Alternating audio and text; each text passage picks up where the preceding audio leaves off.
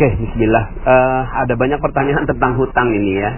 Uh, sepertinya memang Anda mesti mengikuti beberapa audio-audio saya sebelumnya dan ya coba di uh, kubek-kubek lagi uh, channel telegramnya. Jadi begini, uh, hutang ini ya sesuai dengan ilmu yang barusan saya bagikan yaitu the law of projection ya bahwa uh, kehidupan kita itu sesuai dengan apa yang kita pikirkan. Sama dengan sebuah proyektor ya. Kalau ada proyektor ada laptop kemudian ada layar maka isi dari layar itu sesuai persis sama dengan laptop ya. Jadi tidak mungkin ada uh, laptop uh, tampilannya A di layar laptop, kemudian di layar uh, apa infokusnya atau di layar proyektornya uh, B, tidak mungkin, pasti sama. Kalau di laptop A di layar A, gitu ya. Nah, begitu juga hukum ini berlaku dan uh, terjadi pada kehidupan kita bahwa kita punya yang namanya laptop. Laptop itu adalah pikiran kita Kemudian uh, proyektornya adalah akal kita. Akal kita itu terus memproyeksikan. Dia berfrekuensi 60 ribu pikiran setiap hari. Twing, twing, twing, twing, twing, twing terus gitu ya. Sadar nggak sadar, suka nggak suka, mau nggak mau, tetap dia berfrekuensi. Anda tidur, Anda terjaga, Anda berbaring, Anda duduk, terus dia berpikir, terus dia berfrekuensi ya dan setiap kata adalah energi setiap pikiran adalah energi dan energi tidak bisa dihancurkan ya nah itulah yang tercipta ketika dia terproyeksikan melalui akal kita maka dia terproyeksi melalui nasib kita ya. Nah nasib itulah layar ya. Maka the law of projection apa yang ada dalam pikiran kita pasti terjadi di nasib kita ya. Ketika kita berpikir bahwa aduh jalanannya macet, maka pikiran kita macet, akal kita memproyeksikan macet, macet, macet, macet, macet, macet. Akhirnya yang terjadi adalah kita sedang berdoa ya Allah macetkan hidupku, macetkan rezekiku, macetkan kebahagiaanku, macetkan keharmonisanku. Akhirnya layar kita ya, yaitu nasib kita jadinya semua macet. Cara terbaik dalam mengelola kehidupan kita, kita tidak bisa melawan pikiran pikiran nggak bisa dilawan. Dia selalu berpikir. Yang bisa kita lakukan untuk pikiran adalah membelokkan. Ya, bagaimana membelokkan? Ya, kalau macet kita bilang, wow penuh, gitu ya. Karena memang realitanya penuh. Kita tidak melawan realita, tapi kita mengikuti realitanya supaya kita ganti dengan bahasa yang jauh lebih positif. Ketika kita bilang, wah penuh jalanannya, ya ketika istri kita nanya, gimana pak, gitu kan, gimana bi, gimana ya jalanannya? Oh iya jalanannya penuh. Nah kita sekarang sedang apa?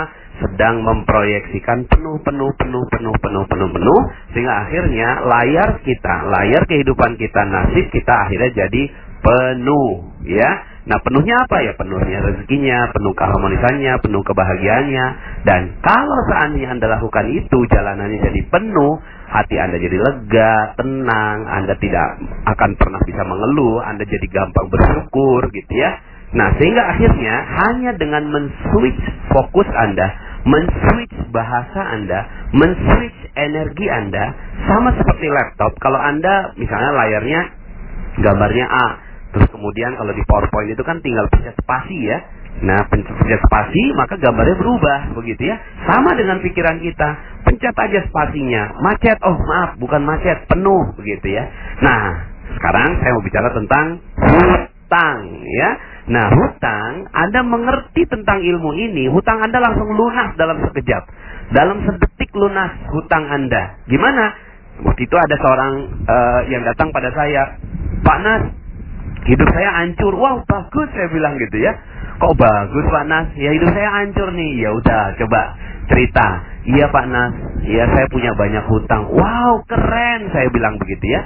Kok keren sih Pak Nas? Ini saya udah mau dipenjara gara-gara utang ini. Iya, iya, iya. Coba-coba gitu kan. Berapa utangnya? 200 juta Ustaz. Wow, banyak banget. Saya bilang keren betul kamu ini gitu kan. Dahsyat. Lo kok dahsyat Pak Ustaz?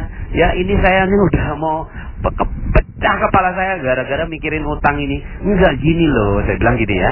Gini loh, zaman sekarang ini ya dipinjemin sejuta aja nggak gampang loh. Kamu itu dipinjeminya 200 juta loh. Luar biasa loh kamu ini. Berarti kamu ini orang yang amanah, kamu ini orang yang jujur, kamu ini orang yang terpercaya. Sehingga akhirnya orang mau kasih duit 200 juta buat kamu. Sebenarnya tuh kamu nggak punya utang. Kamu ini yang kamu punya ini amanah. Maka ya, insya Allah jagalah amanah itu dengan baik ketemulah dengan orang yang memberikan amanah, berbaik-baiklah dengan dia, insya Allah hidup kamu akan jadi jauh lebih tenang. Oh iya ya Pak Nas ya, saya nggak punya utang ya Pak Nas. Iya dong, kamu nggak punya utang. Terus yang saya punya amanah ya Pak Nas. Iya, kamu punya amanah. Amanah ini jaga dengan sekuat jiwa saya, jiwa kamu ya.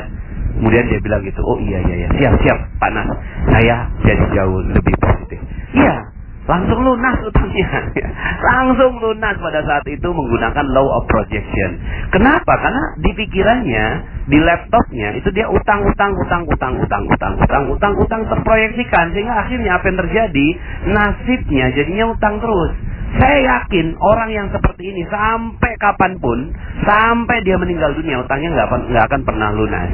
Tapi kalau dia switch menjadi amanah, maka amanah akan datang bertubi-tubi pada dirinya. Ya, amanah akan datang bertubi-tubi. Sekarang ini amanahnya 200 juta, mungkin itu untuk uh, modal toko, ya. Lalu kemudian setelah itu amanah datang berupa konsumen yang uh, apa loyal kemudian karyawan yang jujur gitu kan kemudian supplier yang baik hati meminjamkan barang dan seterusnya jadi amanah datang bertubi-tubi nah sekarang pertanyaan saya anda yang masih punya utang udah lunas belum utangnya sekarang dengerin ceramah saya kalau masih ada hutangnya ya maka anda perlu pantengin lagi telegram saya oke okay?